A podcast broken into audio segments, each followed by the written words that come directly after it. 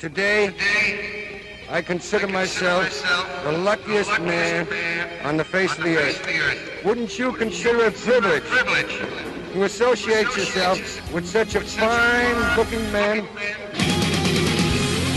Here's Junior at third base.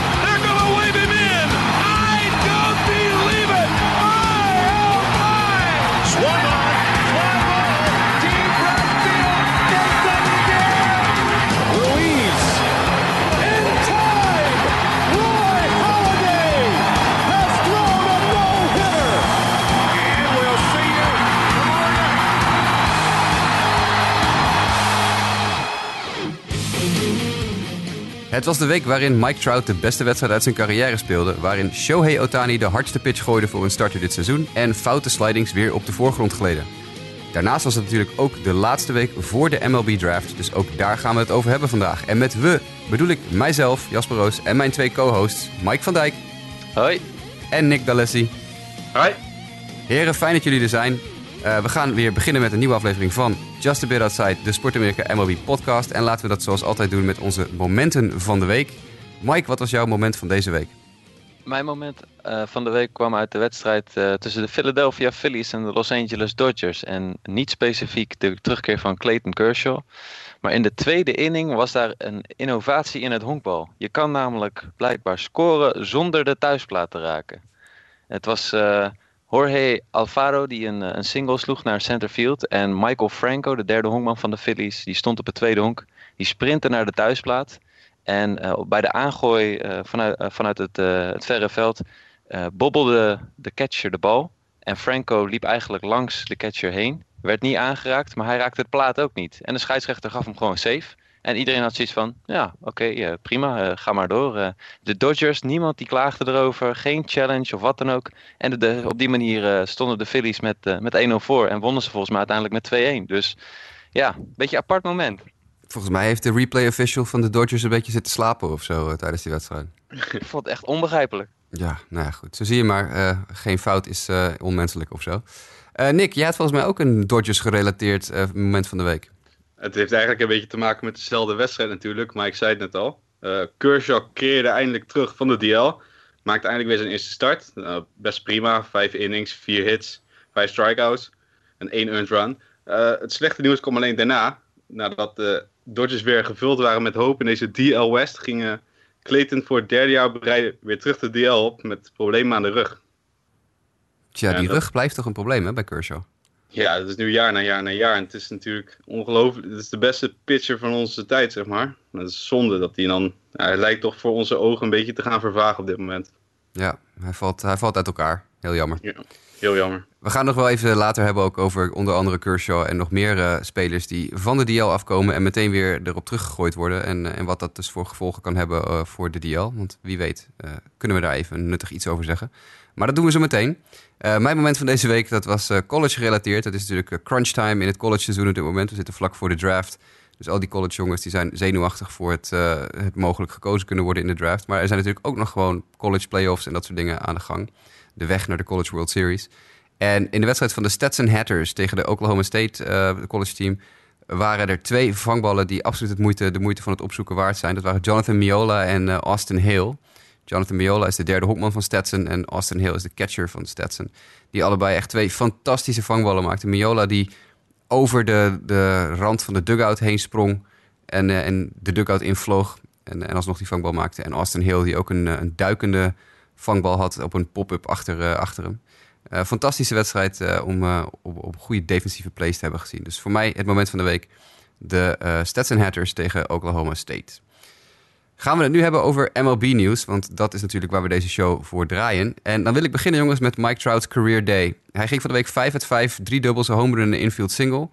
Eh, het feit dat dit Mike Trout's beste wedstrijd uit zijn carrière was. Wat een seizoen heeft hij op dit moment, hè?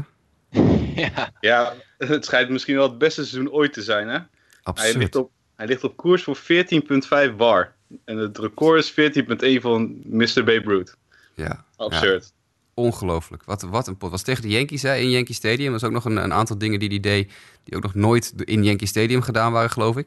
Maar wat een, wat een seizoen is dit. En, en hoe ontzettend vreemd is het eigenlijk dat we niet elke week over Mike Trout praten. Want dat zou natuurlijk eigenlijk zou het maar over één man moeten gaan in, in de MLB op dit moment. Mensen beschouwen het eigenlijk al als business as usual dat hij de beste speler op dit moment in de Major League is. En uh, zeker wat je terecht aankaart, alle aandacht gaat eigenlijk naar Otani. Ja. Alle aandacht gaat naar uh, alles wat de Yankees doen of uh, wat er gebeurt in Boston. Maar deze man is gewoon dag in, dag uit, niet week in, week uit, de beste speler in de Major League. En het is echt ongelooflijk en knap wat hij presteert. Eerste in home runs, tweede in runs, tiende in slaggemiddelde, stolen bases tweede. Hij doet gewoon alles. Ja, ja, ja het is nog... een duizendpoot. Ja, hij ligt op koers voor 50 homeruns, 30 steals. En dat is nog nooit gebeurd in de hele ja. historie niet. Dat is ongelooflijk. En dan ook nog te bedenken dat hij nul keer gepakt is hè, op de honken. Dus hij kiest zijn moment ook nog uit. Het is een ongelofelijke speler. Ja, 26 jaar. Ja. ja. Fantastisch. 26 zei is hij pas, hè, Mike? Zei... Nu ja, al half twee, hè? Ja. Misschien, ja, ja, precies. Maar misschien moeten we wekelijks het, het Mike Trout momentje van de week ook introduceren. Nou, als hij zo doorgaat wel. Want wat Nick net zegt over de, ook die, uh, de, het war record, als dat er natuurlijk aangaat, dan, dan passeer je eventjes de, de meest legendarische honkballer uit de geschiedenis van de sport. Ja. dan ben je toch wel, denk ik, uh, een instant living legend. Ja, zeker. Nou, het, het, het, enige, enige downside, de dag nadat hij 5 voor 5 ging, ging hij wel 0 uit 4. Hè? Dus dat is dan wel... Nou, dat, dat, dat gunnen we hem dan maar. Dan ging hij alsnog 5 uit 9 over twee wedstrijden. Dus dat, Uit hem uh, nuchter. Uit hem dat, nuchter. Dat mag voor mij wel. Maar on, ongelooflijk wat hij loopt te doen. En absoluut iets waar we misschien wel, precies wat je zegt, een beetje te veel uh, gemakkelijk naar kijken. Zo van, nou ja, het is Mike Trout, weet je wel. Dat, uh, maar dit is, dit is toch nog steeds echt een... Uh, ja, ik denk dat we ons in onze handen mogen knijpen dat wij dit kunnen zien elke dag. Ja. Um, zijn teamgenoot, je had hem al eventjes genoemd, Mike Otani... Die pakte van de week ook weer eventjes de headlines. En misschien dus juist wel weer over Mike Trout heen. Want uh, Otani gooide van de week de hardste pitch dit jaar van een starting pitcher. Die was 101,1 mijl per uur. Dat is de hardste startende werper, hardste startende werper pitch van dit seizoen. En nu de top 5 van hardste pitches voor starters van dit jaar zijn vijf pitches van Shohei Otani. Moeten we ons zorgen maken dat zijn arm eraf gaat vallen, Nick? ja, dit, dit wonderkind lijkt te doen wat niemand anders ooit heeft gedaan. Dus ik zou, ik zou me. Ja, dat is eigenlijk best wel een goede vraag nu je het zo zegt, ik zou me inderdaad wel zorgen gaan maken. Als ik Angels fan was, maakte ik me zorgen. Maar voorlopig uh, enjoyen we de show van Oh Shotani. Tja. Ja, dat, maar inderdaad, 100, 101. Uh, als je dat volhoudt, je ziet het aan uh, Syndergaard ook al een beetje. En dan krijg je vanzelf die problemen met dat lichaam. Op een gegeven moment dan is het gewoon te veel. Vorig ja. jaar uh, gooide Thor ook al zo hard. Dan ging hij ook weer een paar maal per uur toevoegen. En toen lag hij natuurlijk ineens vier, vijf maanden uit. Ja, het is een goede vraag. Ik denk, ik, ben, ik denk dat je je zorgen moet maken, ja. Ik, ik denk, uh, als, als we kijken naar die gooibeweging van Otani, het ziet er allemaal zo soepel uit. Ik vraag me af of al zijn kracht uit zijn arm komt. Of dat het gewoon puur allemaal, het, het, het, plaatje lijkt zo te kloppen. Als die die gooibeweging heeft, het, het lijkt allemaal zonder enige moeite te gaan. Die staat gewoon 101,1 mijl per uur te gooien, zonder dat het lijkt alsof hij hard staat te gooien. En dat vind ik zo ontzettend knap. Ja, eens. En uh, in die wedstrijd ook, althans uh, op dat moment, stonden 2 en 3 bezet.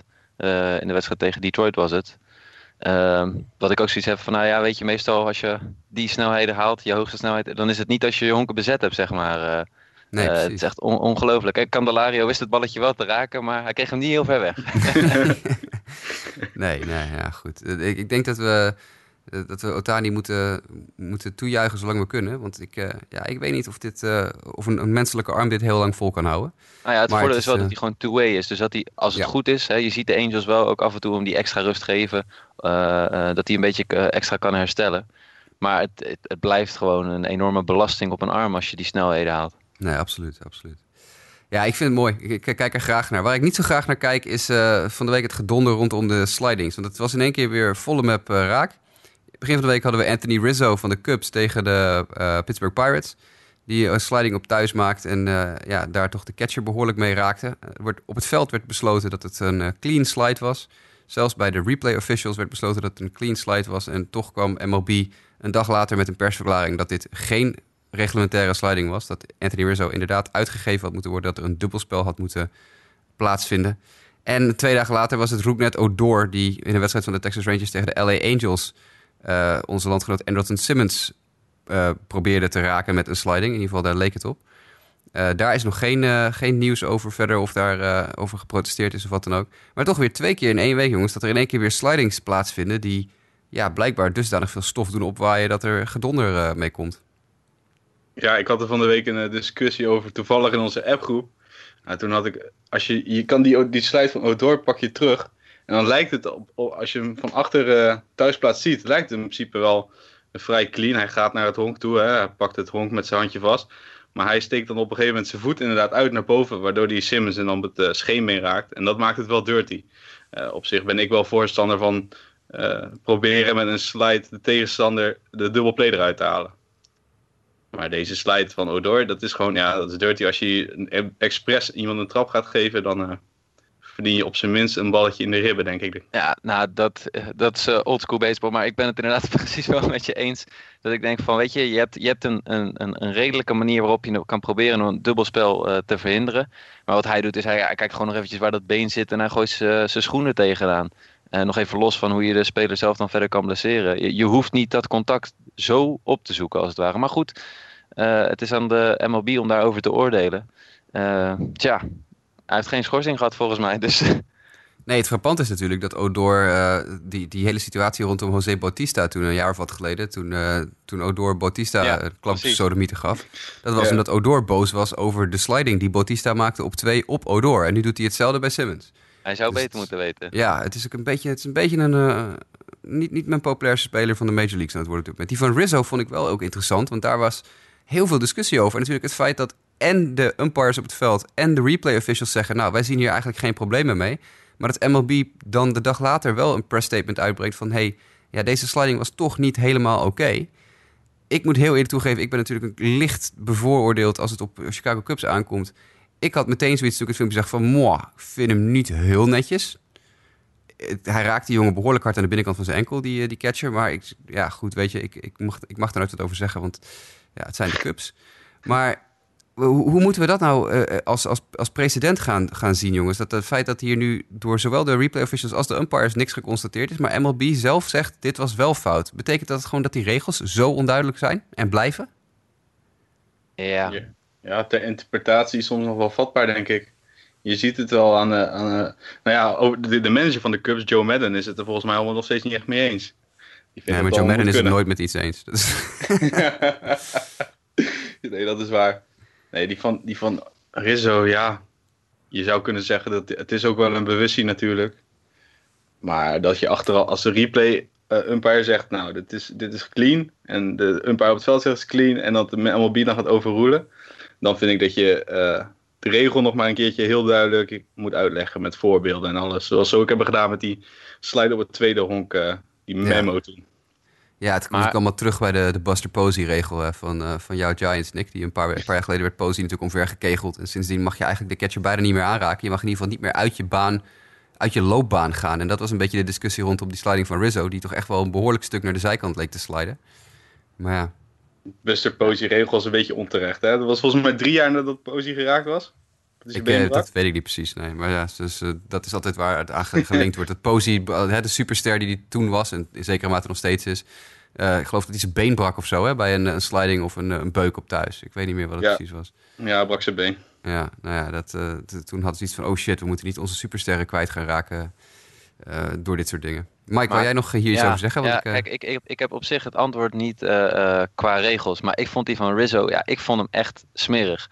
Gewoon om het hele simpele feit, ehm, die jongen is uit, echt twee, drie meter voordat Rizzo ook maar in sliding range komt van het honk. En eigenlijk stapt die catcher al uit. Maar ja, niet ver, ver voldoende naar voren om uit het bereik van Rizzo te komen. En als je dit op het voetbalveld ziet, dan is het direct rood. Ik maar zeggen, het is niet vergelijkbaar. Maar hij, hij gaat er gewoon vol op in om die jongen zijn enkels onder zijn voeten vandaan te halen om het dubbelspel op te breken. En dan denk ik zoiets van, ja, vind je, vind je het ja, oké. Okay. Dat is misschien ook waarom ik niet in de Major League speel. Maar vind je dit nou nog nodig om een, om een collega zeg maar, aan te doen? Uh, ja, dat is wat ik ook direct als eerste uh, gevoel had hoor, toen ik het zag. Want hij, hij is gewoon hartstikke uit. En dan uh, denk ik van ja, weet je, je staat al 2-3-0 voor. Nou goed, weet je, dat is in de Major League ga je voor het maximale. Maar ik vond het zelf, vond ik, toen ik hem zag, dacht ik van jeetje, dit is toch echt nergens voor nodig.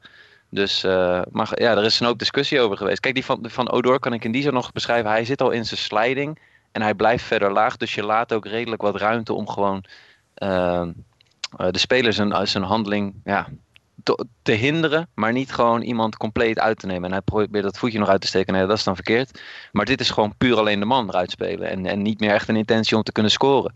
Dus ja, ja dat vind ik gewoon. ik, ik vond dit over de schreef gaan.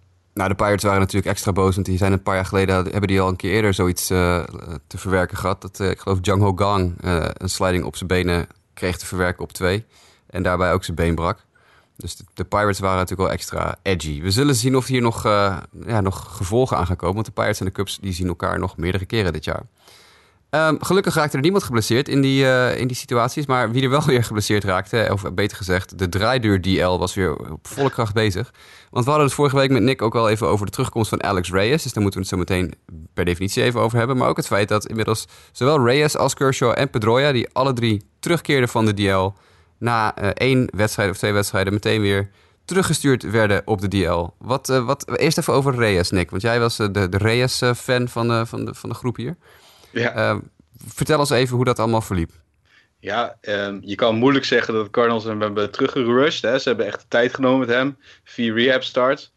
Um, toen startte hij dus op woensdag tegen de Brewers op Facebook Watch. Nou, we zaten te kijken en je zag eigenlijk gewoon terziende ogen die, die fastball velocity, die begon nog op uh, 96, 97. We waren even bang uh, met z'n allen dat hij misschien ging overthrowen, zelfs naar de 100 of zo zou gaan, maar dat, dat viel mee. Maar in de, in de derde, vierde inning zat hij op een gegeven moment op 93, 92. Um, toen kwamen de, de trainerstaf kwam ook naar hem toe van... hé hey, jongen, wat is er aan de hand? Tenminste, daar leek het op. Nou, toen was het, zei hij, er is niks aan de hand. Toen, liet hij nog even zien, hier, heb je weer een paar van 96. Maar na die inning was het ineens klaar. Werd hij eraf, werd hij eraf gehaald. Na vier innings. Nou, op zich had hij ook 78, 78 pitches al gegooid. Dus het was wel verklaarbaar. Uh, leek eigenlijk niks aan de hand, gewoon een beetje voorzorg. Maar op een gegeven moment uh, was het hetzelfde aantal de volgende dag misschien. Uh, ja, volgende dag volgens mij inderdaad. Ja, bleek hij ineens een significant lead strain te hebben. Uh, dus uh, Alex Reyes zien we helaas voorlopig ook niet meer terug. super zonde voor zo'n jongen. Ja, ik vond het ook heel jammer. Hij stond echt lekker te gooien. Niet, niet, niet zo super indrukwekkend als hij in de minors was geweest. Maar goed, het is tenslotte ook de majors en niet de minors. Dus je mag altijd wel wat wat, ja. wat uitbalanceren verwachten. Maar inderdaad, het viel mij precies hetzelfde op. We zaten natuurlijk allemaal met een flink aantal redactiegenoten die wedstrijd tegelijkertijd te kijken. En ja. intussen tijd een beetje te, te appen. Uh, het viel ons allemaal op dat op een gegeven moment echt in één keer uit het niets ineens 5 mijl per uur van zijn fastball afging. En dat was echt, uh, ja, dat, toch denk ik even een momentje dat je denkt van, hey. Ja, het was alles, ook de slider. In de eerste inning nog twee strikeouts met die slider. Die curveball ging alle kanten op. Maar uh, ja, tweede, derde, vierde. Jam, het is jammer. Zonde dat, hij dat, dan, dat het dan gebeurt, hè. Zo'n zo'n talentvolle jongen. Echt een uh, de Cardinals generational talent noemen ze hem. Ja. Ja. Helaas. Ja, het is, uh, het is heel jammer. Kershaw ook terug, vertelde je al eventjes, met zijn rugproblemen. En ook uh, Dustin Pedroia werd met heel veel uh, poehaha teruggehaald natuurlijk naar Boston. Omdat zijn terugkomst zo'n beetje Henry Ramirez de kop kostte. Maar nu is Pedroia ook alweer naar de DL, Mike. Ja, dat klopt. Uh, en uh, uh, net als je Henry Ramirez hebt weggedaan, is er een vacant. Nee, nee. Ja. Dank je vrij. nee, nee, nee. Nee, het is, het is bizar eigenlijk. wat je zelf aangaf, je verwacht eigenlijk allerlei spelers terug. We hadden het er vorige week ook eventjes over.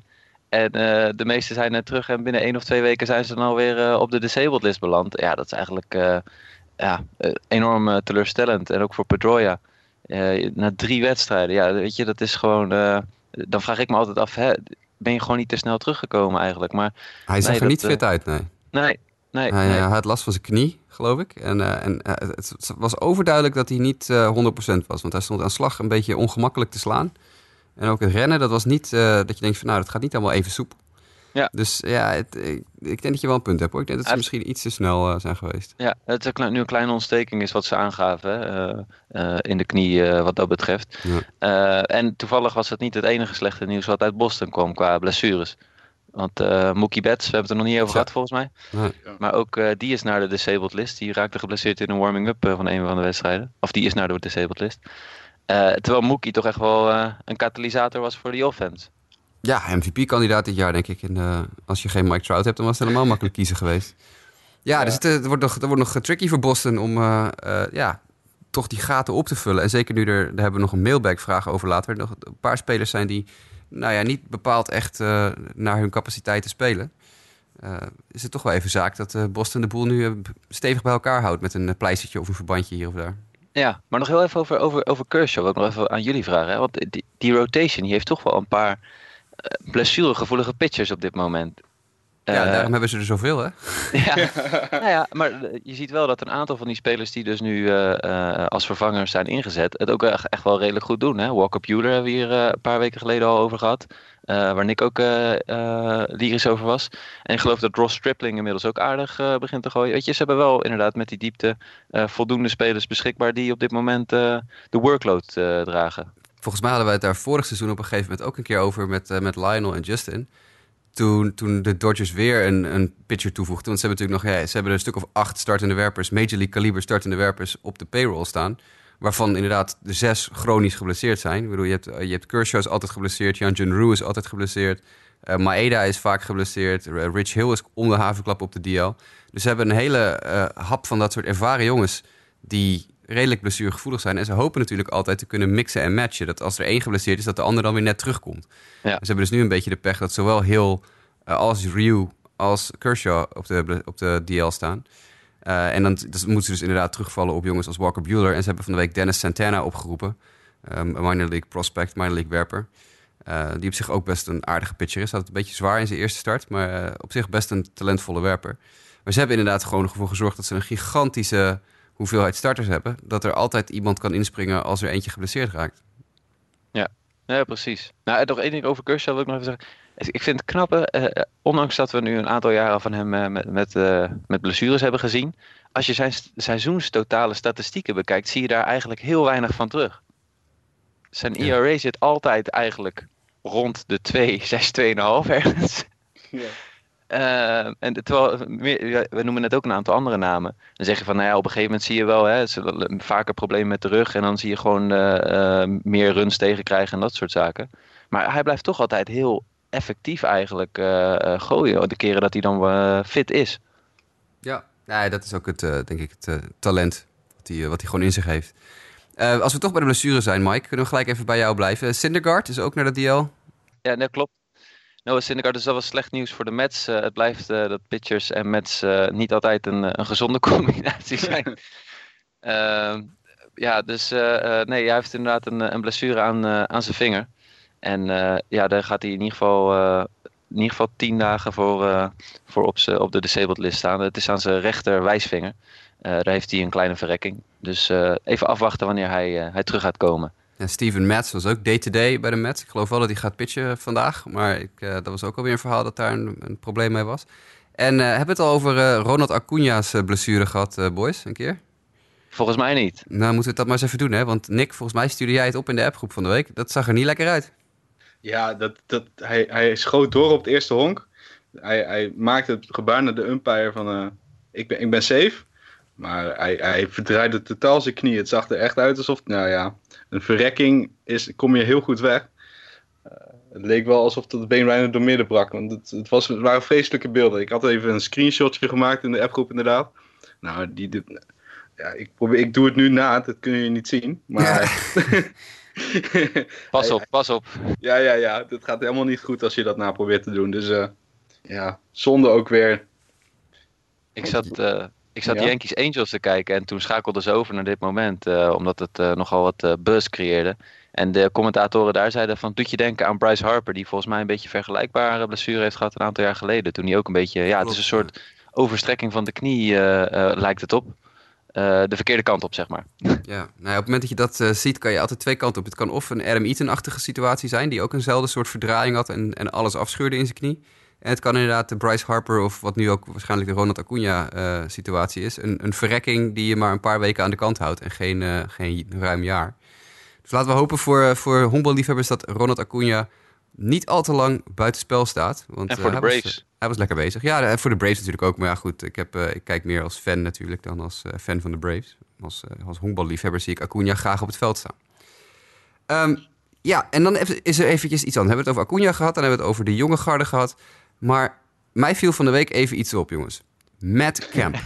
Matt Camp. Matt Camp. Hij, blijkbaar speelt hij nog steeds. Was ik al lang vergeten blijkbaar. Want het is, de, natuurlijk al jaren hopt hij van club naar club. Dan zit hij bij de Padres, dan zit hij bij de Dodgers, dan zit hij bij de Braves, dan zit hij weer bij de Dodgers. Noem maar op. Hij is weer terug in LA. En hij staat te slaan alsof hij 26 is. Alsof Ja. het 2011 is inderdaad. Het is echt ongelooflijk. Alsof hij weer... eh, Voor, hetzelfde geld staat morgen ineens in de krant... dat eh, Matt Camp weer met Rihanna aan het daten is of zo. Want het, is, eh, het lijkt wel alsof we terug in de tijd gegooid worden. Hij staat op dit moment eh, bovenaan de National League. Qua slaggemiddelde. Hij slaat 341. Hij heeft een OPS van 932... met inmiddels al 8 home runs en 31 RBI's. Matt Camp staat, is als zijn tweede jeugd bezig of zo. Ja. En dat te bedenken dat ze hem eigenlijk alleen maar binnen hebben gehaald om toen om die luxury tax te blijven na dit jaar. Ja, precies. Het is, ze, hebben, ze wouden Adrian Gonzalez natuurlijk wegdoen. Nou, dan nemen we Matt Kemp er wel bij. Nemen we dat contract, dat is twee jaar. Dan smeert dat geld wat meer uit. En dan slaat hij de sterren van de hemel ineens. Ja, dat is baseball, hè? Ja, Matt Camp is nu op dit moment gewoon een starter in het outfit van de National League, denk ik. Als je het over de All-Star Ja. Game hebt. Je, je zegt het. Je zegt het. Naast Nick Markakis, denk ik. Ja, ja inderdaad. Ook, ook, ook zo'n ook zo'n gozer zo die aan zijn tweede jeugd bezig is ineens. Ja, dat, eh, ja fantastisch. Nou, ik, eh, ik heb Matt Camp voor de tweede keer dit jaar aan mijn fantasy team toegevoegd eh, van de week. Waarom heb je hem de eerste keer gedropt? Weet ik niet meer. Volgens mij voor Adam Duval of zo, toen die een beetje heet was. Dat kan ik wel even snel opzoeken. Maar eh, dat is ook echt maar twee weken geleden of zo hoor. Dat ik dacht van nou, ik heb hem gedropt. Toen zat ik van de week te kijken en denk oh, misschien, misschien is hij er nog. Nou, dat was er inderdaad nog. Dus die mazzel had ik dan weer. Even kijken of ik dat heel snel kan zien. Of ik, voor wie ik hem gedropt heb. En die volgens mij één, één voor zijn laatste 36 met een Grand Slam. Ja, inderdaad. Ja. Nou, dat, dat schoot ook niet echt op. Nee. Even zien, next for 25. Ja, we, we maken zoveel moves in die league dat het... eh, Ja. even kijken. Matt Camp. Ja, ik heb inderdaad voor Adam Duval eh, toen gedropt. Maar toen was hij net een beetje koud, Camp. Eh, Een weekje niet zo heel goed bezig. Maar sinds ik hem heb eh, binnengehaald, heeft hij alweer drie home runs en zeven RBI's. Dus dat gaat de goede kant op. Maar even mooi, mooi toch dat zo'n jongen als Matt Camp of zo'n jongen als Nick Markakis nu weer eh, lekker mee kan doen eh, op hun oude dag. Zeker. Er is bijna nog hoop voor Rafael Palmero, zou je zeggen. Maar goed, dat is een ander verhaal. Ehm, wat wil je zeggen, Nick?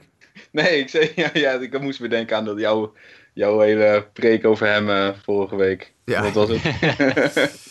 Ja, inderdaad. Maar goed, Eh, laten we dit eh, nieuwsblokje afsluiten. Het is niet zo'n heel lang nieuwsblokje, maar dat komt omdat we een zeer goed gevulde mailbag hebben en daarna nog even over de draft willen praten. Ehm, de Padres. Want de San Diego Padres zijn natuurlijk altijd bezig met sneaky dingetjes. We zagen vorig jaar hebben ze in de, of twee jaar geleden, hebben ze de Rule 5 draft geplunderd. Waar je dus een speler mag selecteren die aan een bepaalde eh, kwalificatie moet voldoen.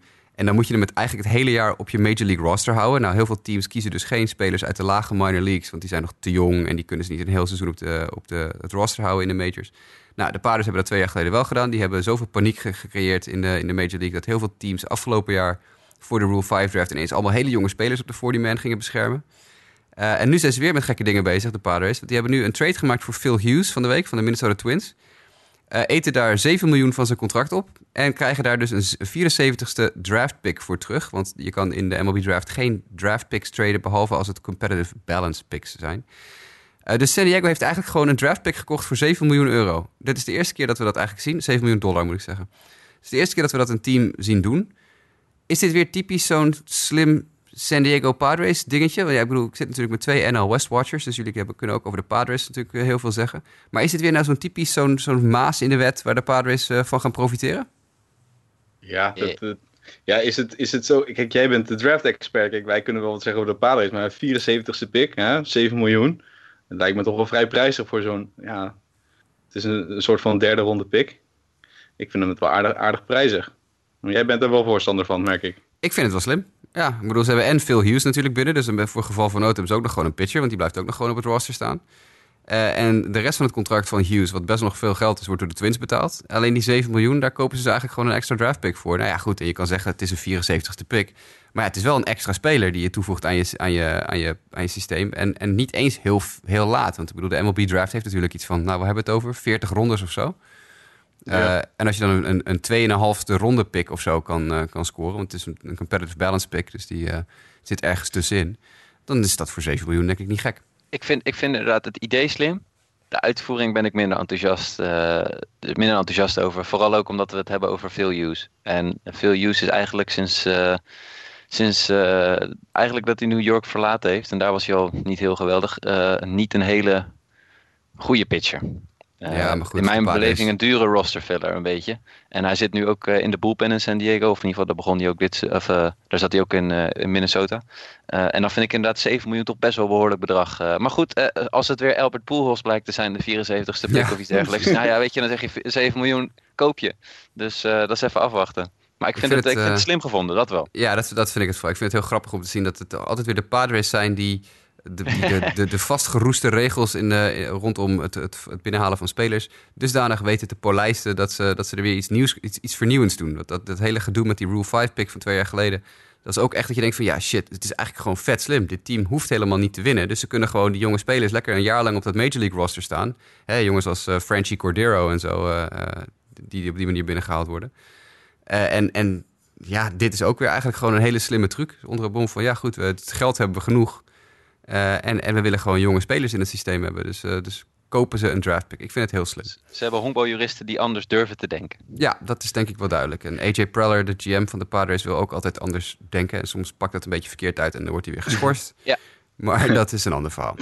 Eh, we gaan naar de mailbag, guys, want we hebben een vrij uitgebreide mailbag. We hebben ten minste vier vragen in de mailbag. En we beginnen met vraag nummer 1 van Shimmy. Is de rotation van de Phillies legit nu Nick Pivetta en Jake Arrieta ineens ook strikes gaan gooien? Nou, Nick, is de rotation van de Phillies legit volgens jou? Jawel, die zijn wel legit. Alleen als ik aan de rotation van de Phillies denk, dan denk ik niet gelijk aan Nick Pivetta en Jake Arrieta, maar dan denk ik aan Aaron Nola. Wat een, wat een ace is dat geworden inmiddels. Die staat echt de, de sterren van de hemel te werpen. Maar om eventjes op uh, Jimmy's vraag terug te komen. Ja, Arrieta die lijkt weer een beetje naar zijn uh, Cy Young seizoen terug te gaan qua nummers. Hè? Die uh, staat inmiddels gewoon goed te gooien met een...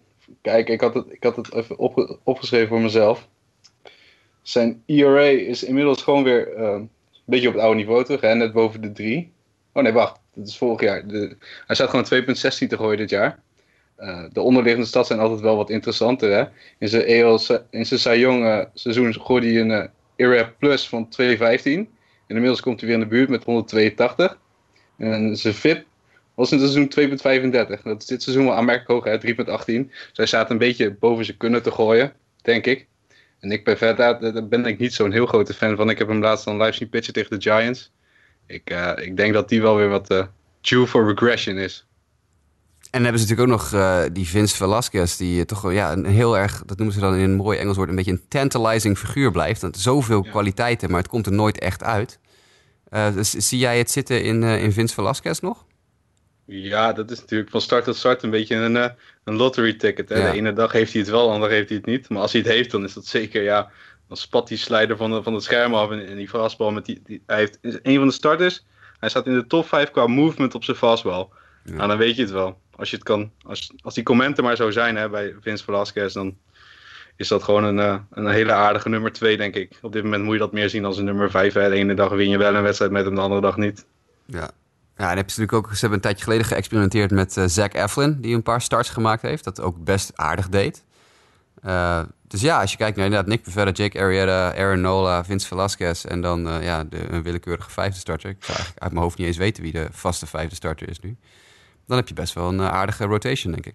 Ik moet zeggen dat Velasquez ook wel echt is bijgetrokken na april. Hoor. Dat hij echt in ja. mei en in, ja, nu ook weer in juni in ieder geval goede start heeft gemaakt. En, en, en steeds, ja, nou ja, niet helemaal quality starts, maar er goed bij in de buurt komt, zeg maar. Ja, het enige wat we met de Phillies, dat heeft met de rotation niks te maken. Maar wat me nu ineens te binnen schiet dat we niet genoemd hebben nog, is dat ze Reese Hoskins kwijtgeraakt zijn van de week. Ja, kaak gebroken. Ja, een gebroken Die kaak. bal op zijn eigen kaak, toch? Ja, het is niet, uh, niet heel lekker. Dus dat is maar, het enige nadeel dat, die, uh, dat ze even zonder hem moeten nu. Maar um, wat ik heb begrepen, dus nog even afwachten de, van wat de uh, kaakexpert van de Phillies zei. Wat hij gaat zeggen. Maar er is een uh, mogelijkheid dat hij vanaf 9 juni alweer zou spelen. Oh, wow. Ja, heb ik ergens gelezen. Ah, dus uh, uh, even afwachten. Dat, zou een hele korte stint kunnen zijn. Dan is hij de volgende wel met zo'n hip ding waar de Stanton mee begonnen. En dan zei ik van zijn helm. Ja. Dan zal hij de volgende zijn. Waar de hele Brewers ook mee lopen inmiddels. Zo'n zo crickethelm uh, achterin. Ja. ja. ja, Moncada heeft hem ook al een tijdje op je. Uh, wel grappig dat ze nu Dylan Cousins opgeroepen hebben. De Phillies hebben uh, het Bash Brother maatje van, uh, van Hoskins uit de minors opgeroepen. Dus dat is dan Dan had het wel weer leuk dat die twee met z'n tweeën nu in de majors mogen spelen. Ehm, maar de rotation van de Phillies dus zeker legit, Jim. Uh, Yannick Bastiaansen, die mailde ons ook weer. En die zei: Heren, aan het begin van het seizoen voorzagen jullie geen playoff kansen voor de Mariners. Heeft hun sterke start jullie op andere gedachten gebracht of komt er nog een terugval? Nou, Mike, wij waren betrokken bij uh, die, uh, dat verhaal rondom de Mariners. hebben ze jou al kunnen overtuigen? Waar, waar, is Justin om dit toe te lichten? Ja. Het is echt zonde, Justin. We hebben je hiervoor nodig voor dit soort vragen. nou, ik moet zeggen, sneaky, maar ja, mij wel. Uh, ik had dit, dit niet zien aankomen. We hebben het hier over de Seattle Mariners. En ze staan eigenlijk op dit moment dat wij dit opnemen. Staan ze boven in de, in de American League West. En ook als je nou kijkt naar de statistieken van het, uh, van het team zelf. Uh, nou er wordt goed geslagen. Top 10 uh, van alle MLB-teams eigenlijk in de diverse categorieën. Er wordt redelijk op het gebied van starting pitching gegooid. En de bullpen die heeft ook wel echt een aantal armen die, die waar je u tegen zegt. Dus ik, ik moet zeggen, ondanks de blessures die ze steeds hebben, uh, ja, dit team, dit team bevalt me eigenlijk wel. Ik vind het knap dat ze, hè, je hebt de, de schorsing gehad van Cano en dergelijke, nou dat, valt, dat zit dan allemaal tegen. Maar dat dit team nog steeds uh, in deze positie staat, nou dat vind ik eigenlijk wel, uh, dan denk ik van volgens mij is hier, uh, is hier een team wat echt wel mee gaat doen. Ik vind het ook heel verrassend. Nick, jij was niet bij onze voorspellingsronde toen, maar wat, wat is jouw visie op de Seattle Mariners op dit moment? Ja, ik denk gelijk aan, aan Mitch Henniger, die, die ik elke week in de highlights zie. Uh, die D. Gordon, die was nou laatst weer een verhaal over D. Gordon, dat hij dan niet tevreden was met zijn wedstrijd. En dat hij dan na de. Uh, hij had zijn uniform niet uitgetrokken, hij ging terug de cage in, ging nog even twee uur staan swingen. En uh, dry swings en even pitch tracken en zo. Ja, als dat de instelling van je team is en als, als zo'n iemand jouw team kan inspireren, dan. Dat, dat brengt zo'n collectief bij elkaar. Dan, dan denk ik dat we wel iets overpresteren op dit moment. Uh, natuurlijk een hele zware divisie ook. Um, ja, een, een AL wildcard, ik sluit het niet uit. Ook maar zonder Cano? Ja, ook zeker zonder Cano. Dat is, ik, ja, ik denk eerder dat dat op dit moment een, een stoorzender zou zijn voor je, voor je proces. Eerlijk ja. gezegd, dat is misschien... Maar, ja, en, en James Paxton natuurlijk als, uh, als nieuwe A-star, die, die het stokje overneemt van uh, King Felix. Ja, als hij fit blijft. Hè? Die is nog ja. nooit in zijn carrière fit geweest, geloof ik. Dus. Nee, ja, dat is ook wel weer waar. Maar dat, uh, één, één, één keer moet het de eerste keer zijn natuurlijk. ja, laten we het ik, uh, ik weet nog steeds niet of ik, uh, of ik ze de playoffs in durf te schrijven. Ik, ik zie ook nog een klein beetje regressie aankomen. En het is een team dat wel heel goed in elkaar zit. Maar er mist, er mist echt ja, de diepte bij de, bij de Angels en bij de, bij de Astros. Die echt ja. veel, veel dieper zijn. Veel meer supersterren hebben. En je hebt natuurlijk niet per definitie supersterren nodig om, om succesvol te zijn in de postseason. Maar ik, ik zie de, de, de adem van Houston en van LA nog langer zijn dan die van Seattle. En dat ze toch net uiteindelijk weer buiten de boot gaan vallen. LA ook? Ja. Ja. Op dit moment wel. Met Trout en Otani die zo ontzettend goed staan te spelen. En Simmons die zo goed staat te spelen. Uh, Kiensler is weer hot. Sorry. Ja, ja nou, ik, ik, ik, ik, ik, ik, zie de Angels er nog wel voorbij gaan. Te veel star power in dat team om, uh, ja. om dat niet goed te doen. Betere Stop. pitching ook. Dus. Goeie om volgende week in ieder geval ook nog even te vragen aan Justin. Ja, dat gaan we zeker even doen. Ja, dat gaan we zeker even doen. Uh, door naar de volgende mailbackvraag, want we hebben, zoals ik al zei, heel veel. Uh, Jurian die vroeg ons: hoe lang blijft Boston nog geduldig met Rafael Devers? Nunez en Holt zitten veel op de bank. De schorsing voor Michael Chavis zit er bijna op. Neemt de druk op Devers en de Sox toe?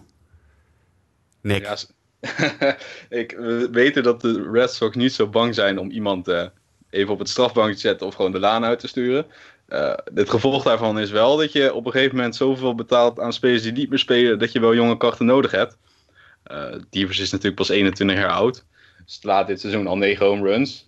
De average blijft wat achter, maar ja, who cares about average? de OPS 705. Ja, het zal iets omhoog moeten, maar ik denk dat dat ook wel gaat. Hè? Hij kwam vorig jaar heel goed binnen met een OPS van 819. sloeg bijna 300, zie ik. En dan een aardige OBP. Maar dat is natuurlijk niet vol te houden voor een 21 jaar en dat is ook niet realistisch. Dus ik denk dat ze hem toch het vertrouwen wel even zullen schenken. Zeker omdat het zo'n goedkope kracht is met zo'n pedigree in de minors. Nou ja, omdat er natuurlijk relatief weinig achter zit. Brock Holt is meer een utility speler. Eduardo Nunez is echt een nou ja, bottom 5 honkballer dit, dit seizoen. Het ziet er niet uit. uh, Michael Chavis is dan een prospect die wel goed doet. Maar ja, die zit op dit moment nog zijn dopingschorsing uit. Dus dat is ook niet iemand die je meteen wil gaan belonen met een call-up naar de majors. Dus ik denk inderdaad dat je, wel de, dat je dat wel bij het juiste eind hebt. Ik denk dat ze, dat ze Devers nog wel eventjes wat tijd gunnen. Uh, vooral ook omdat hij natuurlijk nog jong is. En het kan natuurlijk de sophomore, de beroemde sophomore slump zijn waar hij in zit. Zijn tweede jaar in de majors. Uh, waarin het toch allemaal iets minder makkelijk gaat. Dat ja, is best een mogelijkheid, denk ik. Ja, en anders zullen ze misschien proberen de Yankees toch een poot uit te drijven voor Machado dit ja. seizoen als het zo doorgaat. Ja, ja misschien wel. Maar ja, dan moet hij niet... op drie. Dus, Ja, maar ja, goed, er zijn niet zo heel veel gaten meer. En daar heeft Machado zelf niet heel veel over te vertellen op dit moment. Nee, dat klopt. Nou ja, we zullen zien. Ik denk dat ze inderdaad ook nog wel dat ze hem de, dat ze hem de tijd geven hoor. Ja. Uh, laatste mailbackvraag was van Keijen. Keijen vraagt, wat vinden jullie van de automatische strike zone... waar de commissioner blijkbaar wel oren naar lijkt te hebben? Daarmee refereert Keijen aan het uh, artikel dat van de week op CBS Sports stond. Interview met uh, Rob Manfred, waarin hij zei dat hij niet onwelwillend staat... tegenover het implementeren van een automatische strike zone. paniek, Mike? Wat mij betreft niet. Liever vandaag dan morgen.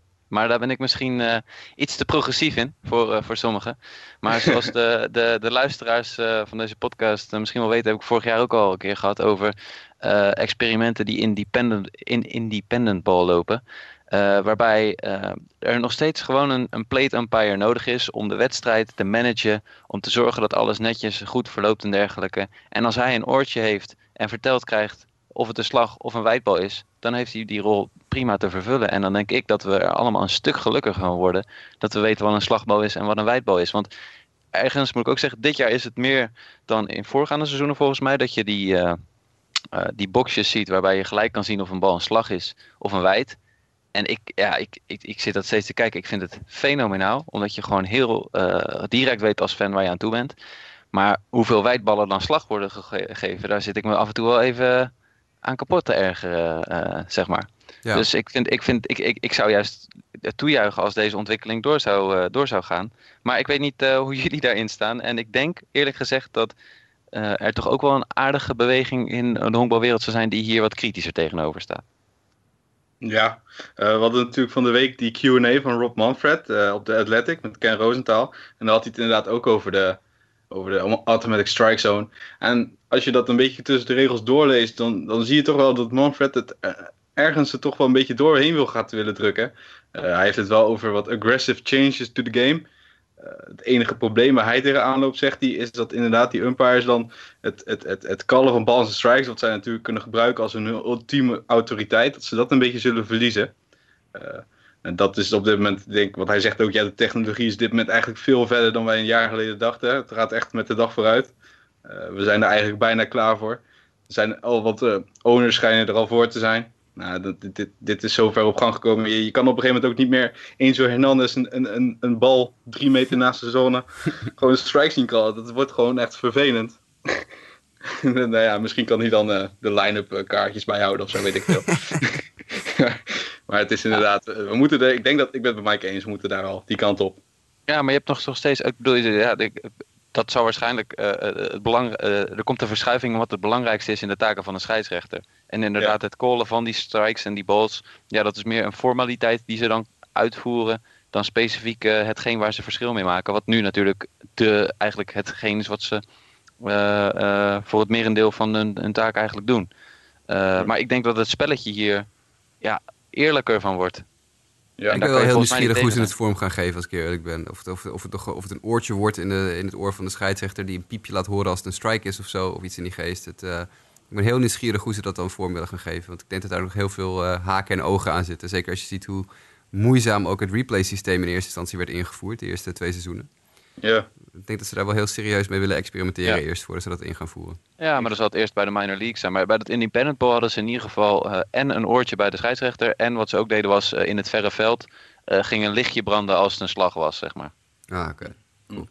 Nou, ja. en, en, is dan ook verschil tussen als José Altuve aanslag is of Aaron Judge? Is dan die strijkzone ook een stuk ja. groter? Ja, wat ze deden was tijdens batting practice wordt van iedere speler eigenlijk zijn slagzone op basis van zijn stance gemeten. En die hmm. wordt dan uh, als, uh, als slagzone genomen. Maar die kan je wel aardig manipuleren. Dan ga ik als Noria Oki staan voor de wedstrijd.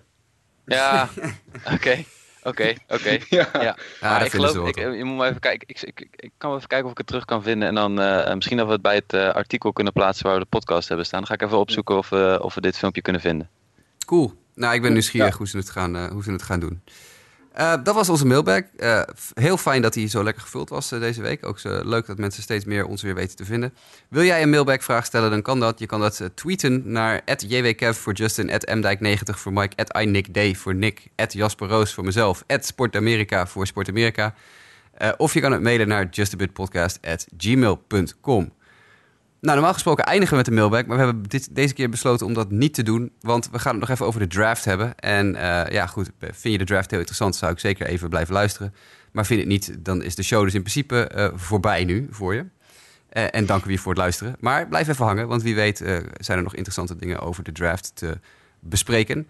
Want de afgelopen week hadden wij op Sport Amerika natuurlijk de draft previews, driedelige draft preview, waarin we picks 1 tot en met 30 zeg maar, gaan voorspellen. Nou, het blijft natuurlijk voorspellen. Het is een hele leuke oefening in koffiedik kijken. Want ja, elk team in de majors uh, houdt natuurlijk heel erg geheim wie hun keuze zou worden mocht het uh, zover komen.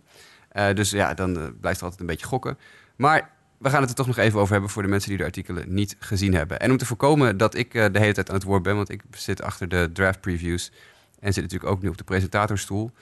hoe gaan we dat even doen, guys? Wie, wie neemt het even van me over? Zal ik, zal ik het doen? Lijkt me leuk. Kijk, en, en Nick, volgens mij zit jouw team hoog in de, de orde ook. Dus dan komen we ook sowieso nog even met jouw perspectief op de draft. Uh, staan we daarbij stil. Maar 4 tot 6 juni gaan we dus weer starten met de MLB draft. En uh, nog even wat praktische info. Uh, hoeveel rondes en dergelijke hebben we het over? 40-ish of zo. Yes, dus er gaan heel veel college spelers in ieder geval de call krijgen om, om te tekenen bij de MLB draft. Maar vorig jaar zijn de Detroit Tigers als laatste geëindigd. Dus die hebben de eerste pick dit jaar. Jasper, enlighten us wat de Tigers gaan doen met die eerste pick. Ja, ik, ik zei het een paar weken geleden al even in een korte, kort dingetje toen Nick er al naar vroeg. Het wordt Casey Mize, denk ik, van Auburn University. De, ja, de, de beste werper, in de, de beste speler in de draft op dit moment. Uh, daar is niet heel veel aan veranderd, ook niet de laatste dagen. Het blijkt steeds meer, ja, toch dat de Tigers uh, waarschijnlijk Mize gaan. Ze hebben ook een link naar Brady Singer van Florida, omdat ze ook zijn teamgenoot Alex Faedo hadden gekozen vorig jaar in de draft. Uh, en ook uh, high school outfielder uh, Jared Kellenick wordt genoemd. vooral dan als potentiële underslot signing. Dus dat ze hem goedkoper kunnen tekenen en dat geld even later kunnen, naar een andere speler kunnen gooien. Maar ja, het zou mij heel sterk verbazen als de Tigers niet Casey Mize kiezen. Goede werper, goede fastball, harde fastball, goede splitter. ja, echt, echt een fantastische werper.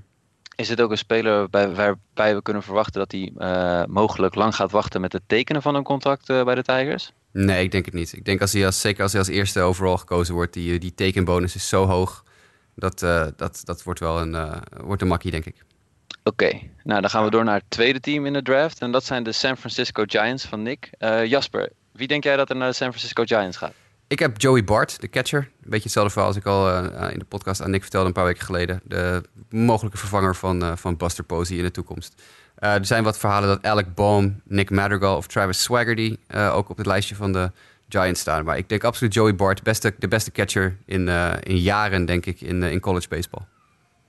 Nick, wat, wat is jouw perspectief voor een vervanger voor Buster Posey te werven?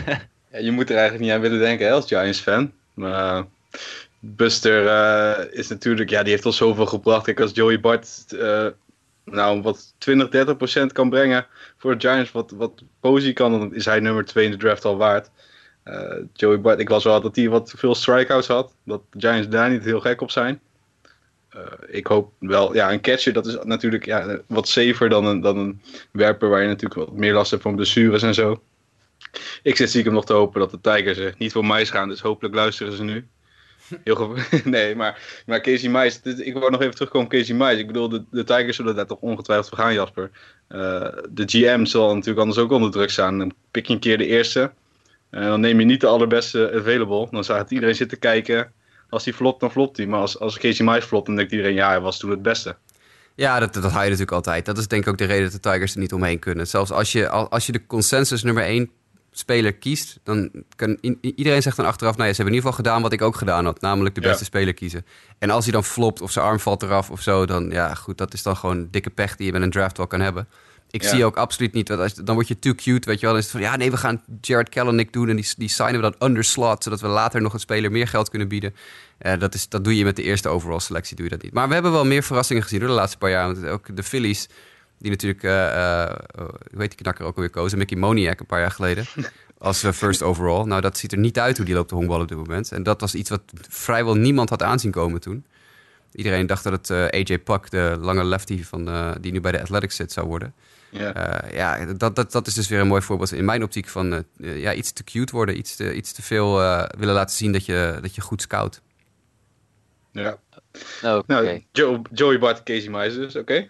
nou, Mike? Dan, dan hebben we de eerste twee picks gehad. En dan gaan we naar het derde team. En het team dat eh, mag kiezen op de derde plek staat op dit moment derde in de NL East. Dat zijn de Philadelphia Phillies. Wie, eh, wie gaat er mogelijk naar Philadelphia? Nou ja, het begin, het, de pick van Philadelphia op, nummer drie is eigenlijk een soort introductie van de, eigenlijk de volgende zes picks. Want het is, dit gaat, deze pick gaat een invloed hebben op hoe de rest van die draft in die eerste ronde gaat verlopen. Want is de de Phillies zijn ja, dit is echt de, de, de linchpin eigenlijk. Het nummer 1 en 2, dat staat wel min of meer vast. Want de Giants zijn echt heavy, heavy aan Bart gelinkt. En Mice, dat is de nummer 1. Maar vanaf die pick nummer 3 van de Phillies... dan kun je, heb je de, achter elkaar de Phillies, White Sox, Reds, Mets, eh, Padres en Braves. Eigenlijk die hele rij. Dat gaat beïnvloed worden door de keuze van de Phillies. Ik heb eh, in, mijn, in mijn voorspelling staan dat ze Alec Baum... de derde honkman van Wichita State, gaan, eh, gaan nemen.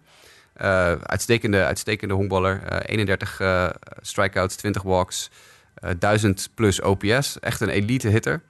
Maar het zou echt zomaar kunnen dat ze toch voor Nick Madrigal of Alec eh, of eh, eh, eh, Travis Swagger die gaan of zo. Eh, dus dit, is, dit, is, dit gaat het verschil maken. Als ze voor Alec Baum kiezen, dan zie ik eh, eigenlijk gewoon het, als volgt het ontvouwen dat eh, de Phillies voor best player available gaan. Dat is in hun optiek dan Alec Baum, die ze heel erg eh, hebben gescout.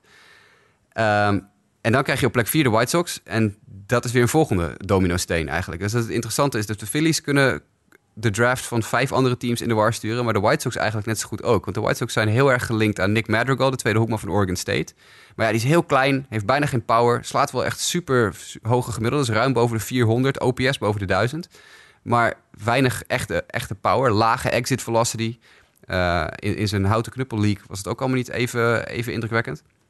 Dus als de White Sox eh, Madrigal kiezen, wat iedereen verwacht, een beetje hetzelfde als met de Phillies en Baum, dan ontvouwt de rest van de, van de top 10 zich, denk ik, vrij makkelijk eh, voorspelbaar.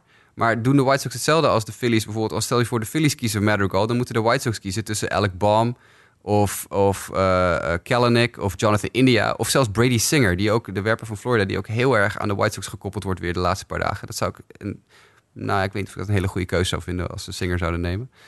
Eh, ik zou persoonlijk Jonathan India nemen, maar dat is een ander punt. Maar dat is denk ik ook een beetje in de hype kopen, want daar komen ze meteen op. Ja, en, en ervan uitgegaan dus dat, de dat de Phillies Baum kiezen en de White Sox Madrigal, ja, dan is de rest dus eigenlijk makkelijk invullen. Ja, dus het is een belangrijk moment in de, in de draft om even op te letten hoe het, eh, Ja. hoe het zich gaat unfolden. Ja. Want dan gaan we door naar het, eh, het vijfde team eh, wat mag kiezen. En ik zie de pick staan die jij hier hebt, in ieder geval in de artikelen hebt opgeschreven. Ik weet niet of dat nog steeds de speler is die je verwacht dat daarheen gaat. Maar die is van een universiteit die number one ranked is volgens mij in college baseball op dit moment. Dat is de University of Florida, de Gators. Jij denkt dat de Cincinnati Reds gaan voor een Florida Gator? Ja, ik denk het wel. Ik denk dat het Brady Singer wordt. Vorig jaar was Brady Singer eigenlijk nog voorspeld als nummer 1 overall pick. Hij is een beetje weggezakt. Uh, maar ik denk dat er... Ja, het, kijk, het probleem met de Reds is... We hebben het in de podcast ook al uh, meerdere keren over gehad. De Reds kunnen geen pitchers opleiden. Iedere, iedere jonge pitcher die ze hebben verkloten ze op een of andere manier. Dat is, is al jaren het geval. Dat gaat helemaal terug tot aan uh, Homer Bailey, geloof ik. Dus we hebben het volgens mij er een week of drie, vier geleden ook over gehad. De Reds verpesten pitchers. Nou, wat moet je dan doen? Je hebt pitching nodig. Dus je moet een pitcher kiezen in de draft. Uh, maar je moet dan een pitcher kiezen die je eigenlijk niet kan verkloten. En Brady Singer, dat, die is zo ontzettend stabiel. Dat, dat ik zie er niet in hoe de Reds dat kunnen verpesten.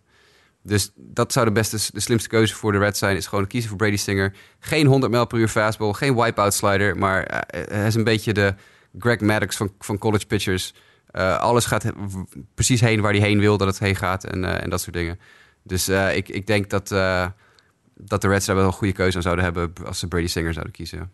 Oké, okay. ja, dat is wel een aparte keuze inderdaad als je zegt van hè, ze zitten eigenlijk vast in een cirkel van continu dan uh, pitchers halen en dan uh, ze laten floppen. Dus ja. misschien zou je ook wat anders kunnen kiezen juist om dan te traden voor talent dat zou uh, op dat gebied. Maar hoe gaat het dan met de, sorry, de, de, de draft pick van vorig jaar, hè? de Hunter Green, Hunter dat Green, is natuurlijk, ja. is natuurlijk wel een Ja, pitcher waar je wat aan, daar kan je wel wat aan verpesten als Red zijnde. Ja. Hoe, hoe, is het, hoe is het met hem? Ja, het gaat op zich goed met hem hoor. Dat, hij staat goed, uh, heeft goed aan gooien. Uh, zeker als pitcher. Aan slag is het allemaal nog niet helemaal juf net, maar een goede, goede werper. Maar die is nog zo ontzettend jong. Daar zit nog jaren van ontwikkeling in. Dus daar kunnen we eigenlijk nu nog niet over zeggen of ze hem al aan het verpesten zijn. Dat kunnen we pas over een paar jaar zien.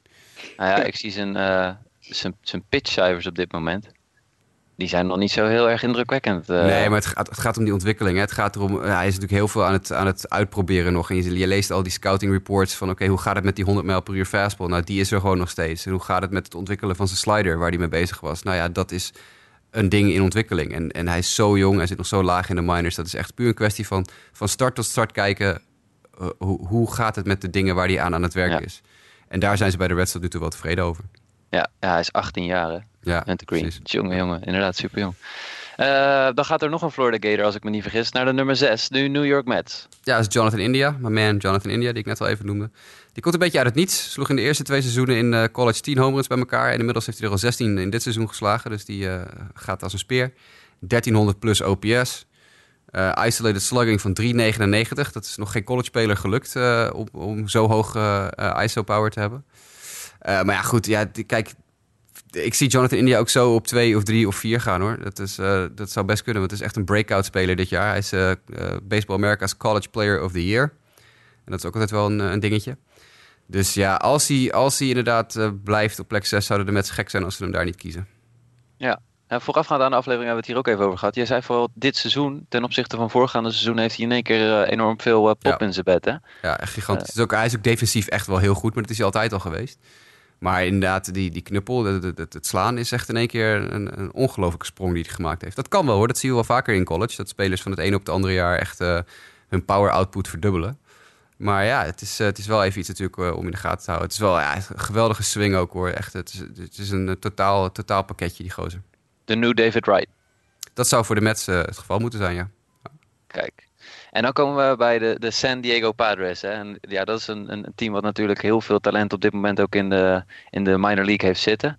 Uh, maar die hebben toch wel een, een speler op het oog, uh, als, ik, uh, als ik het artikel goed heb gelezen. Met in ieder geval de naam van een, van een hoe noem je dat ook weer, zo'n worstelaar? Een luchador, ja. Precies, een luchador. Want die, die, die, ja, vertel maar, wie, wie denk jij dat zij gaan pakken? Um, ik heb Matthew Liberator, een linkshandige high school werper uit Arizona. Dat wordt de eerste high school, pit, high school speler in dit rijtje die gekozen wordt. Uh, ja, geweldige linkshandige werper. Uh, fantastisch. Een van de beste uh, non-college armen in de draft. En de, de Padres hebben heel duidelijk een voorkeur voor dat soort werpers. Vorig jaar kozen ze Mackenzie Gore in de eerste ronde. Ook een lefty high school werper die het echt fantastisch staat te doen in de minors. Dus ik denk dat ook Liberator diezelfde weg op gaat. Dat is eigenlijk een vrij makkelijke keus. Het zou kunnen zijn dat ze voor Cole Win of Carter Stewart gaan. Maar ik denk dat, dat de lefty Liberator... na de goede ervaringen met Mackenzie Gore van vorig jaar... de pick is voor San Diego. Het is de eerste high school speler die dan zou Ja. gaan in de draft. Hè? Ja, plek 7. Hij is Eh, college heavy, deze draft. Ja, ja, precies. We hebben ook wel in de voorgaande jaren dat we anders gezien eh, eh, hebben. Dan gaan we nog even naar de nummer 8. Dat zijn de Atlanta Braves. Wat gaan die kiezen? Ik, ja, dat is, dat is de, de eerste die ik serieus denk fout te kunnen hebben. Ik heb ze op dit moment staan op Carter Stewart, de werper van O'Galley High School in Florida. Ehm, maar die worden ook heel veel gekoppeld op dit moment aan Nolan Gorman, de derde honkman uit Arizona. Eh, ook een high school speler. Eh, ja, ik, ik, ik, ik ben voor Carter Stewart gegaan puur omdat de Braves de laatste paar jaar zo ontzettend veel pitchers in de hoge rondes hebben gedraft. Hè. Ian Anderson, Kyle Wright, noem maar op. Eh, dus ik denk dat het gaat allemaal heel goed met die jongens. Ze kunnen gewoon heel goed pitchers opleiden daar. Dus ik denk dat het, ja, dat, dat, dat een high school werper wel een beetje in de lijn der verwachting kan liggen. Maar nogmaals, Nolan Gorman wordt heel veel, heel veel genoemd nu. Eh, ook voor de Braves. Dus dat, dat zou de eerste kunnen zijn die ik echt eh, serieus nu al weet dat ik een fout heb. Oké. En dan hebben we nog twee picks om de top 10 compleet te maken. Ehm, Oakland Athletics op nummer 9. Ja, Trevor Swaggerty, de outfielder van South Alabama. Eh, ja, is- een, een beetje, hij doet een beetje denken aan Bryce Harper. Als je het filmpje ook bekijkt, wat ik in het artikel heb gezet.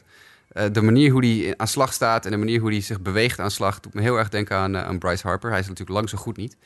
Maar eh, ja, ik denk dat de, de Athletics, die hebben vorig jaar Austin Beck, een high school outfielder gekozen. Het jaar daarvoor AJ Pak, een, eh, een werper, college werper. Ik denk dat ze dit jaar voor een college outfielder gaan. En dat zou dan eh, Travis Swaggerty zijn. Doen ze dat niet, dan zie ik ze ook nog wel Shane McClanahan kiezen. Dat is een werper, linkshandige werper die 100 mijl per uur gooit. Eh, maar ja, die heeft dan Tommy John achter zijn naam en, en eh, heeft een hoge walk rate bij zijn strikeout. Dus ik zie ze, denk ik, eh, voor Travis Swaggerty gaan. India, Liberatore en Swaggerty. Ik kijk nu alweer uit naar die namen na afloop Ja. van de draft. Daar hebben we het hiervoor ook over gehad. Top, toch? Eh, en het laatste team in de, in de top 10, dat zijn de Pittsburgh Pirates. Ja, Jared Kalanick denk ik. Maar ook daarvoor geldt dat er eh, ook heel veel eh, gekoppeld wordt aan Cole Win, eh, werper. En ook Grayson Rodriguez krijgt in één keer heel veel helium, zoals dat dan heet. Eh, dus het zou kunnen zijn dat ze daarvoor gaan. Maar ja, ik, eh, ik zie ze wel gewoon eh, de, de beste best player available kiezen in dit geval nog. En dat is op dit moment Jared Kalanick, denk ik. High schooler uit Wisconsin. Die zou dan de tweede Wisconsinite worden die ooit in de eerste ronde gekozen wordt na Gavin Lux van de Dodgers in 2016. Nice. Zijn er verder nog zaken waar we op moeten letten tijdens de draft? Ja, ik, er zijn natuurlijk een paar teams die we even moeten gaan noemen. In, het, in het tweede stuk van de eerste ronde, dus pick 11 tot en met 20, eh, zitten een paar teams die eh, een keuze moeten gaan maken. De Miami Marlins, die zijn natuurlijk bezig met het, het hervullen van hun eh, minor league systeem. Die, die kunnen kiezen voor of Nolan Gorman als hij er nog is, of Tristan Casas, de eerste honkman. Ehm, het is vanaf nu natuurlijk heel erg gokken, want je weet natuurlijk niet... hier zitten waarschijnlijk al zoveel veranderingen in de draft... dat je niet zeker weet wie wat gaat krijgen. Interessant figuur is Jordan Adams, uh, outfielder die ik op 16 naar de Tampa Bay Rays heb. Uh, de Rays en de Royals hebben het hoogste bonusbudget van alle ploegen. Dus die kunnen het meeste geld besteden aan jongens die ze weg moeten kopen uit hun, uh, uit hun college commitments. Uh, want Jordan Adams is ook een high school outfielder die bij UNC zowel voetbal als baseball wil gaan spelen. Dus als die gekozen wordt, dan zal die gekozen moeten worden door een team als de Rays of de Royals. Want die hebben als, als enige eigenlijk genoeg geld om, om hem weg te kunnen kopen bij zijn college. Um, Ryan Rollison is een interessante speler. Die heb ik op 19 naar de Cardinals. Die komt bij jou All Miss Rebels vandaan, uh, Mike. Ja, ja. en uh, ik, ik zie uh, de, de Cardinals wel een, uh, ja, een, een, interesse hebben in, in de lefty van, van Mississippi. Anders dan kiezen ze Bryce Terang. Maar Ryan Rollison is een heel goede werper die wel zou kunnen vallen. De zoon van voormalig Big League pitcher David Weathers heb ik op nummer 20 naar de Twins. Ryan Weathers is dat, uit Tennessee. Maar die heeft een commitment aan Vanderbilt University, waar ik altijd van zeg van dat is de pitchingfabriek uh, met Florida samen in de, in de college-serie. Uh, dus die zullen ze ook stevig moeten wegkopen. En heb je natuurlijk in het laatste stuk van de draft heb je de grote teams. Hè? Dat is uh, misschien ook wel even handig om snel doorheen te rennen. Want los van dat de Brewers daar zitten en de Rockies daar zitten, is dat allemaal niet zo interessant. Dan heb je ook de Yankees natuurlijk op nummer 23. Die heb ik op dit moment Tristan Casas. Maar het zou dus heel goed kunnen zijn dat die al veel eerder naar de Marlins gaat. En dan kunnen de uh, Yankees ook kiezen voor uh, Kumar Rocker of Bryce Terang. De Cubs, natuurlijk ook een grote naam moeten we even noemen. Die heb ik nu Kumar Rocker, uh, werper, een high school werper uit Georgia. Maar ik zie het ook wel gebeuren dat Sean Yelly of als Ethan Hankins of Logan Gilbert vallen naar de Cubs. Hoe dan ook denk ik dat de Cubs een, een pitcher kiezen. Want die hebben zo weinig pitching in hun minor league systeem. Dat het lijkt me heel slim als ze daarmee bezig gaan. Jouw Diamondbacks, Mike, heb ik op dit moment Bryce Terang toegewezen. Een high school korte stop uit Californië. Maar jij zei al, dat uh, wordt best player available sowieso hè, voor de, voor de D-backs. Ja, nee, Mike, Hazen, Mike Hazen heeft dat in ieder geval steeds als, uh, als zijn prioriteit gemaakt. Om steeds uh, op die manier te gaan draften. Ja, nou ja, Terang heeft een commitment aan LSU. En dat is, daar wordt hij de opvolger van Alex Bregman, die bij LSU vandaan komt. dan wordt hij de, de volgende big name, korte stop in dat programma. Uh, als hij naar college gaat. En als de Diamondbacks uh, geen terrain kunnen krijgen... dan zie ik ze ook nog wel Jake McCarthy draften van de University of Virginia. Want uh, D-backs kozen vorig jaar in de eerste ronde... ook een speler van Virginia, Pavin Smith. Dus ze kennen dat team heel goed. Um, Jeremy Ironman is een interessante speler. Die heb ik naar de Red Sox op nummer 26. Dat is een korte stop van Missouri State. Dat is de universiteit waar Jake Burger vandaan komt. De White Sox prospect die ik eerder dit jaar interviewde. Uh, en uh, Burger zei toen ook al van als je een speler in de gaten moet houden, ook voor, uh, voor de aankomende periode, is het Jeremy Ironman, de korte stop van Missouri State. En die heb ik dus nu naar de Red Sox. wat hebben we dan nog meer? De Nationals zijn niet zo interessant. De Astros zitten in een interessante situatie dat die natuurlijk altijd super toolsy outfielders draften. En daar hebben we weer zo'n hele goede naam voor jou, Mike. Steel Walker. Ja. dat is toch ook wel weer een fijne, fijne naam. Dat is een outfielder van Oklahoma. Uh, dat is ook een ideale underslot signing. Dus die kunnen ze voor iets minder geld, als ze hem hier kiezen, kunnen ze waarschijnlijk contacteren. Want die zou ook nog wel eens een keer de tweede ronde in kunnen vallen. En uh, de Indians is ook wel interessant. Die heb ik op dit moment Alec Thomas kiezen. Dat is een uh, jongen uit Mount Carmel High School in de buurt van Chicago. En dat is de zoon van White Sox strength and conditioning coach Alan Thomas. dus de White Sox hopen heel erg dat Alec Thomas tot in de tweede ronde valt. En daar zullen ze hem waarschijnlijk dan kiezen als ze die kans krijgen. Maar ik denk dat uh, Alec Thomas al in de eerste ronde, laatste pick, eerste ronde is een beetje uh, ene laatste pick, naar de Indians gaat. En de Dodgers heb ik dan Sean Kelly toegewezen uh, op pick nummer 30. Die is 2 meter 10 en heeft een, een, teamgenoot, Justin Lewis, die is ook boomlang. Dus dat zijn de, de Twin Towers, heten die jongens met z'n tweeën. En ja, die is, kan ook heel hard gooien. Verder zijn er nog namen die je in de gaten moet houden in de zin van Seth Griffin. Beer, Seth Beer. Ja, Griffin Conine, dat is de eerste. Dat is de Jeff Conine, ex-big leaguer Jeff Conine's zoon, outfielder. Seth Beer, waar ik vorig jaar heel veel over gepraat heb, die zou zomaar de eerste ronde in kunnen sneaken. En dan zit ik vooral aan de Red Sox te denken. Uh, maar hij heeft niet zo'n heel goede periode gehad het laatste jaar. Dus hij, is, uh, hij zal ook kunnen zakken tot in de, uh, de, de compensatieronde of de tweede ronde. En uh, Nick Schnell is een high school outfielder die, uh, die heel erg bizar hoog genoemd wordt af en toe. Dat zelfs ook de White Sox hem heel erg gescout hebben voor plek 4. Maar ik zie dat niet gebeuren. Ik denk dat ze hem vooral gescout hebben voor de tweede ronde. En catcher Mason Denneberg, die staat zowel bij de Red Sox als bij de Yankees heel hoog op het lijstje. En dan hebben we eigenlijk in uh, sneltreinvaart de eerste ronde even doorgewerkt. Yes. Nick, zijn er nog dingen waar jij op gaat letten tijdens de draft?